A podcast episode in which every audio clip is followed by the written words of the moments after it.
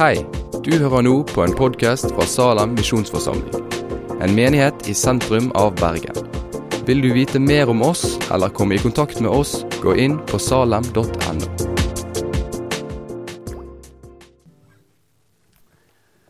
God søndag, alle sammen. Kjekt å se dere. Jeg er Kristian, og jeg jobber her som eh, pastor. Eh, og Jeg er ganske ung, men jeg kompenserer med å kle meg sånn som styreleder, for da ser jeg mye mer myndig ut. Så det, det er trikset. Bare kle dere som en myndig person. Da får dere automatisk mer autoritet. Sånn. Det det, en må bruke en sånn nyttige triks når en, eh, når en må opp et hakk. Eh, tenåringsarbeid. Veldig spennende. Eh, vi har samla en herlig gjeng som er med og driver det. Vær med og be for det. Eh, og send tenåringene deres dit. Kjør de ned hit en fredagskveld. La de ta med seg venner. Eh, vi tror at et av våre største potensial for vekst ligger i våre tenåringer og deres venner. Det er der mye skjer i denne alderen. Så vil jeg eh, bare oppmuntre dere til å bare synke litt ned i stolene. Tenke ok, årsmøtet det skjer snart. Bare legge av oss de sakene og kanskje de tankene vi har hatt på vei inn, og bare la de få ligge litt. Nå skal vi snakke om noe som uansett utfall i dag, uansett hvem som kommer inn i styret, uansett hva vi heter, uansett hva som skjer i dag dette blir stående. Derfor kan vi legge av oss alt det. Vi kan begynne med å be. Herre Far, i møte med deg så fylles mitt hjerte opp med gode ord. Men du er helt umulig å beskrive med bare ord. Og Derfor ber jeg om at Din Hellige Ånd er her, åpner våre hjertedører, åpner vår tanke, taler til vår disiplin, taler til vår lydighet, taler til vår ånd. Taler til tro og til oppmuntring. Jeg ber jeg Jesus i ditt navn. Amen. Jeg er veldig stolt av å tilhøre Salem. Jeg er veldig glad i Salem. Alt vi gjør. Eh, innholdet vårt. Det vi står for. Jeg er veldig stolt over det. Og Nettopp derfor er det av og til at det dukker opp ting som får meg til å tenke så det knaker. For jeg vil så gjerne mye for Salem. Av og til ligger jeg oppe om nettene, og det er ting som kommer meg så nær at det nesten stikker i hjertet. Og Jeg har snakka med mange andre i Salem om akkurat dette. Og mange sitter med de samme følelsene. Og hva følelse er det? Jo, hvor oppriktig vi lengter etter å være en forsamling som vitner og som vinner. En menighet som vitner, er en menighet som vinner. Både vinner nye mennesker, men òg vinner som i seier. En menighet hvor det hele tida legges til nye mennesker som lar seg frelse. Jeg lengter etter det. Vi har sett noen her og der komme til tro. Og så lengter vi etter noe mer. Nå skal jeg gjøre noe som er litt uvanlig. Det er å stille et spørsmål som, jeg, som vil ha respons på. Det er ikke så vanlig i salen. Men du som kjenner én eller flere som ikke går i kirke, og som ikke er kristen, kan du reise deg.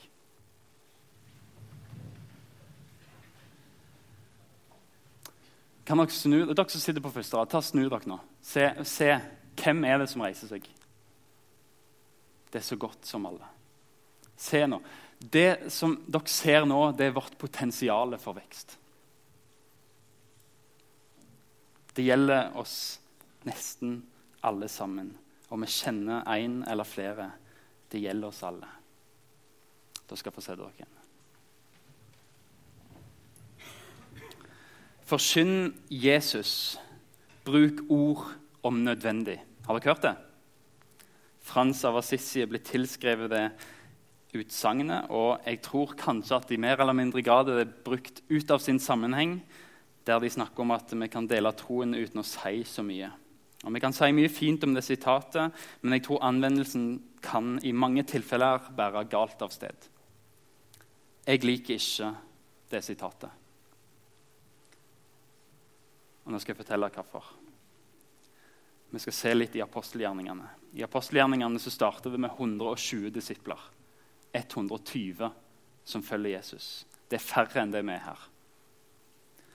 Men det er bare en liten start. De 120, en liten start. Vi skal se litt i apostelgjerningene. Så står det, og Vi tar igjennom noen sånne sammen, altså sammenfatninger av vekst gjennom hele apostelgjerningene.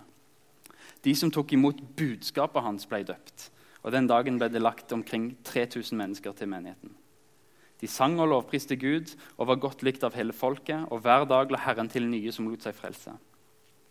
Men mange av dem som hadde hørt budskapet, kom til tro, og tallet på menn var nå omkring 5000.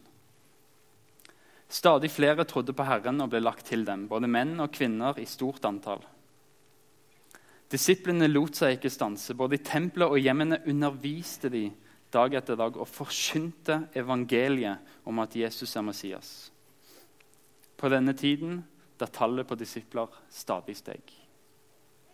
Guds ord nådde stadig flere, og tallet på disipler i Jerusalem økte sterkt. Også en stor flokk av prestene ble lydig mot troen.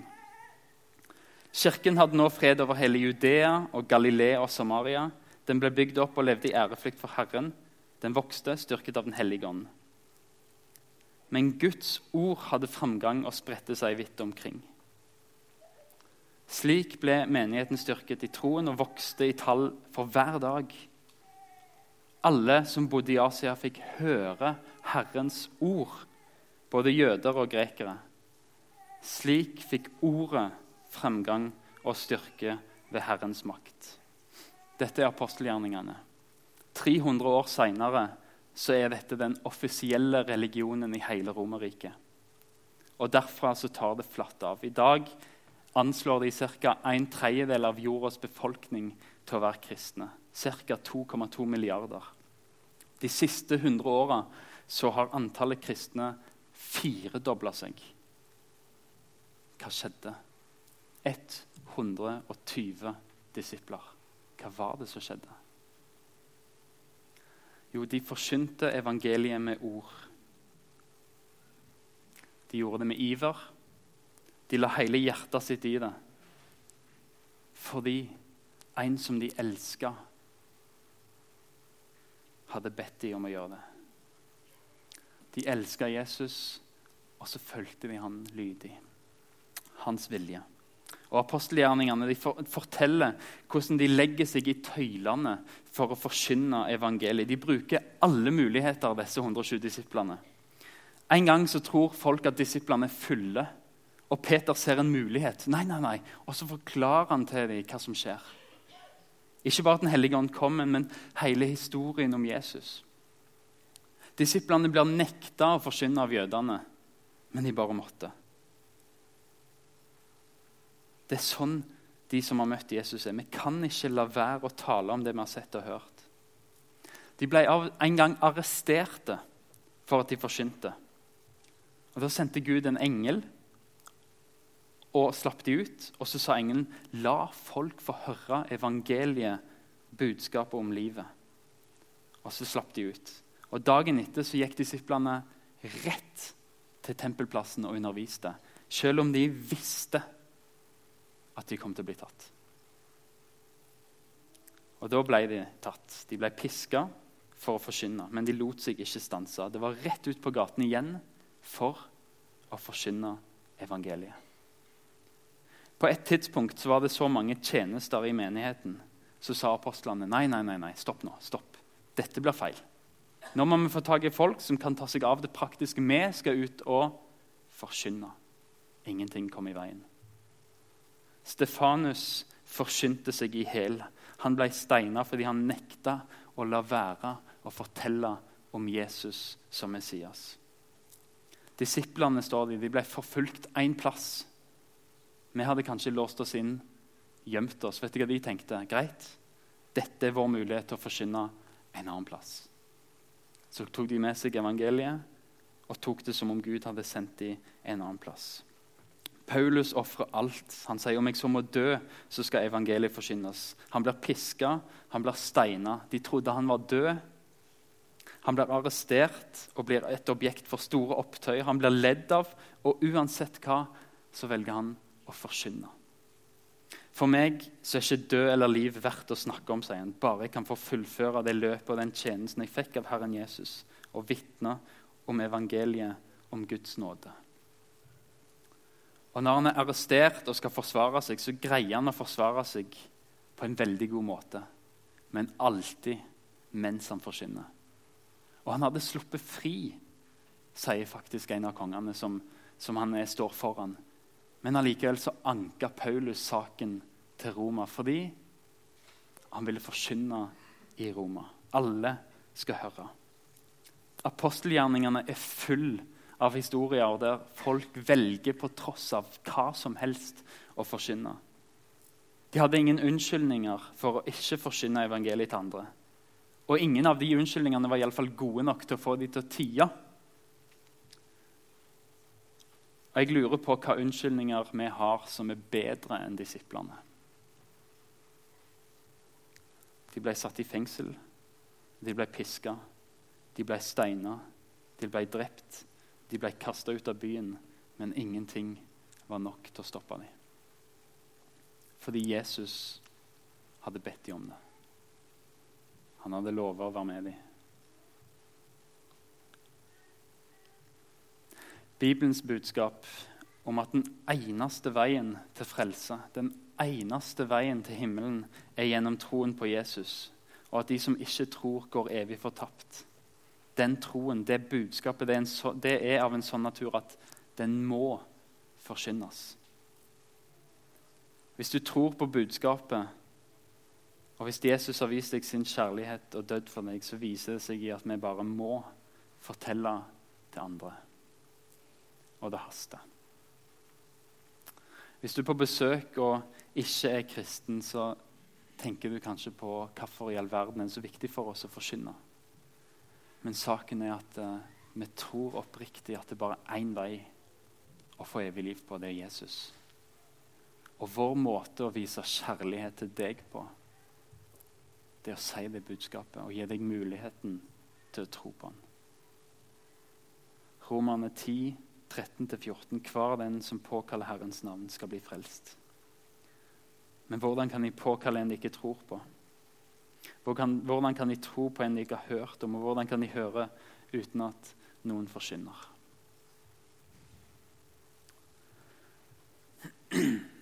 Følg meg, og jeg skal gjøre deg til menneskefisker, sa Jesus. Han sa det til sine disipler. Det var hans kall. Følg og fisk. Det er en disippel. Følge Jesus og fiske mennesker. Og Hvis ikke dette mønsteret i vårt kristenliv, hvordan kan vi da kalle oss disipler når det er sånn Jesus definerer dem? Følg meg, og du skal bli menneskefisker. Charles Spurgeon, en av de mest kjente forkynnerne gjennom tidene, han sier at hver eneste kristen er enten en misjonær eller en hykler. Det er tunge ord. For meg så har det vært helt nødvendig å se på hvordan Jesus kalte Peter. Når vi ikke greier å leve opp til dette, at vi skal forkynne Når jeg mister frimodigheten min og ikke tør å stå fram, så er det godt å se hvordan Jesus møter Simon Peter i Johannes kapittel 1. For Hvis vi ser på Peter, så lærer vi òg noe om det å være disippel. For det handler om å gå gjennom en prosess der Jesus får forme deg til å bli mer og mer etter hans vilje. Det eneste som står om Simon Peter i Johannes 1, det er at Jesus så på ham og sa, 'Du er Simon, sønn av Johannes.' Du skal hete Kefas. Det er det samme som Peter. Og her kan det være greit å se og vite hva de to forskjellige navnene betyr. Simon betyr et sivrør, et som svaier vinden. En som ikke tåler mye, men kommer det vind, så knekker det lett. Det er ikke til å stole på. Men Peter, Kefas, betyr klippe, noe som står fast uansett. Når vi møter Jesus, så kaller han oss for det vi er. Han møter oss og så viser han oss at vi er skrøpelige. At vi er som siv som svaier vinden, som kanskje ikke greier de oppgavene han gir oss, men som kanskje knekker under motstand. Et sivrør. Men sånn som vi møter Jesus, det er ikke sånn han vil at vi skal være. Han vil gjøre noe med oss. Han elsker oss sånn som vi er, men han elsker oss så høyt at han ikke lar oss forbli det vi er. Han forvandler oss til noe annet. I det øyeblikket vi tar imot Jesus, så starter han en prosess i oss hvor han omformer oss til å bli mer og mer lik som han. Og jeg er trygg på at han som begynte sin gode gjerning i dere, skal fullføre den helt til Jesu Kristi dag, skriver Paulus i Filipperbrevet. Og Så skriver han litt seinere for det er Gud som er virksom i dere, så dere både vil og gjør det som er til Guds gode vilje. Gjennom hele Nytestamentet ser vi at Peter endrer seg jo mer han er sammen med Jesus. Det er ingen kort prosess, det tar lang tid. Og vi ser hele tida at det er fortsatt litt Simon i han. Det er fortsatt litt sivrør. Men Jesus gjør han mer og mer om til en klippe, til Peter, og mer og mer lik Jesus. Og så blir Jesus i Peter, og så gjør han Peter om til en menneskefisker. Invitasjonen var 'følg meg'. Løftet var 'jeg skal gjøre deg til menneskefisker'. Lever du nær Jesus, så vil han gjøre deg òg til en menneskefisker, og vi skal følge han. Han vil gjøre oss til menneskefiskere. Det er vårt ansvar som forsamling å leve nær Jesus, men det er òg ditt ansvar som enkeltperson for Salem å leve nær Jesus. Sånn at de rundt deg kan få se hva Jesus gjør, men òg at du kan få fortelle dem hva Jesus har gjort. Det kan være veldig avskrekkende å skulle vitne for noen. Men la meg se på noen sannheter som gir deg litt frimodighet. Hvis du bestemmer deg for å vitne til et menneske, så er det tre forskjellige utfall som jeg kan tenke meg. De tar imot troa. Det er seier. Kanskje greier du å så et lite frø som kan vokse og spire, som andre kan vanne. Det er òg seier. Kanskje avviser de deg. Noen plasser i verden blir kristne slått for å vitne steiner. Andre plasser spytta på. Kanskje er det ikke så ille her, men kanskje blir vi spotta bak ryggen. Kanskje blir vi utstøtt eller hata der vi blir sett på som rare. Og vi ser på det som et tap når folk reagerer på den måten. Men hva sier egentlig Bibelen om å bli avvist? 1. Peter 4. Salige er dere når dere blir spottet for Kristi navns skyld. For Guds ånd, herlighetens ånd, hviler over dere. Og Jesus sier sjøl i Lukas 6.: Salige er dere når folk hater dere, når de utstøter dere og håner dere og skyr navnet deres som noe ondt. For menneskesønnens skyld, gled dere på den dagen og hopp av fryd. Stor er lønnen dere har i himmelen. Vi kan se på det på en måte. Men Bibelen forteller med andre ord at de gangene du blir avvist pga. Av Jesus eller evangeliet, så har Gud ei lønn som venter til deg i himmelen. Og den får jordlig gevinst til å se ut som søppel. Og det er typisk Jesus. Å være så trofast. Sånn ser det altså ut. Hvis du bestemmer deg for å vitne for et menneske, så er det tre forskjellige utfall. De tar imot, og det er seier. Du får sådd et frø, og det er seier. Og du blir håna, og det er seier.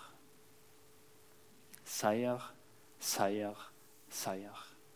Å vitne for Jesus og fortelle om troen, det er seier hver eneste gang. Og hvis det å vitne gir seier, hva er det da som gir oss tap? det er å la være. Den eneste muligheten vi har til å tape en situasjon der vi lurer på skal jeg dele troen eller ikke, er å la være å dele troen.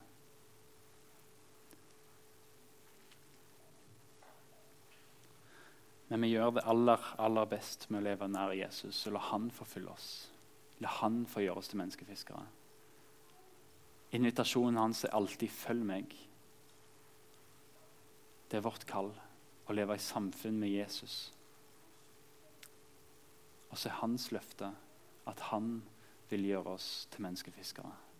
Og så gir han oss frimodighet gjennom ordet til å si at 'jeg er med dere alle dager inntil verdens ende'. Du kan ikke tape om du forteller meg.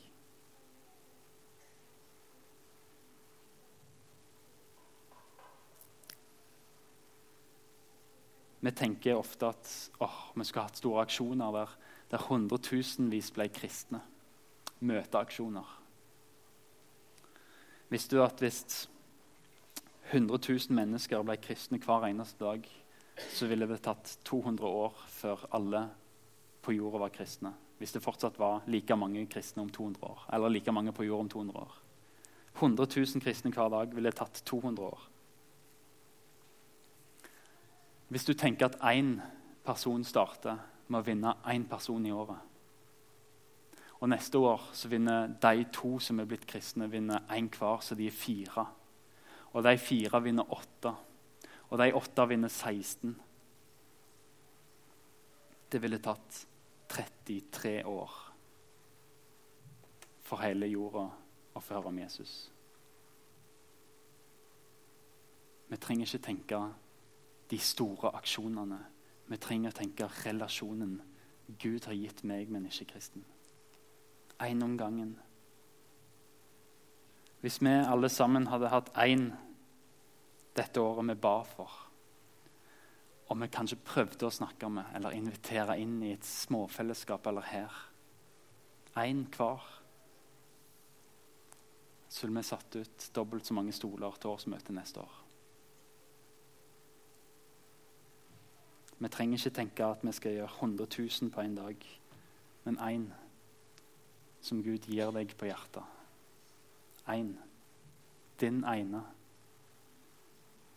Han eller hun som du tenkte på når du reiste deg.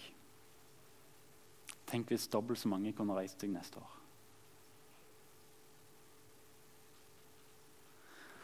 Vær utholdende i bønn. Våg å be med takk til Gud be òg for oss at Gud må åpne en dør for ordet, så vi kan forkynne Kristi mysterium.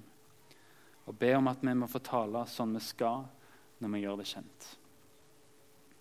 Kjære far, takk for at du har gitt oss relasjoner der vi kan få dele evangeliet. Jesus, takk for at du har frelst oss og kalt oss til én ting å leve nær deg. Og så vil det bære frukter i våre liv. Takk for at du vil og gjør det som er din gode vilje i våre liv. At du fullfører din gjerning i oss helt til din dag.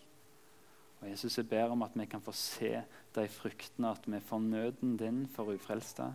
At vi får frimodigheten til å invitere, frimodigheten til å fortelle, til å stille spørsmål. Jesus, jeg ber for den ene som hver enkelt av oss reiste seg for. Jesus, legg dem på hjertet våre. La de få være én som er overkommelig for oss. La oss få gå i ferdiglagte gjerninger, og la oss få se at det er du som frelser. Og vi får simpelthen bare si 'kom og se hvem Jesus er'. Der må Jesus i ditt navn. Amen.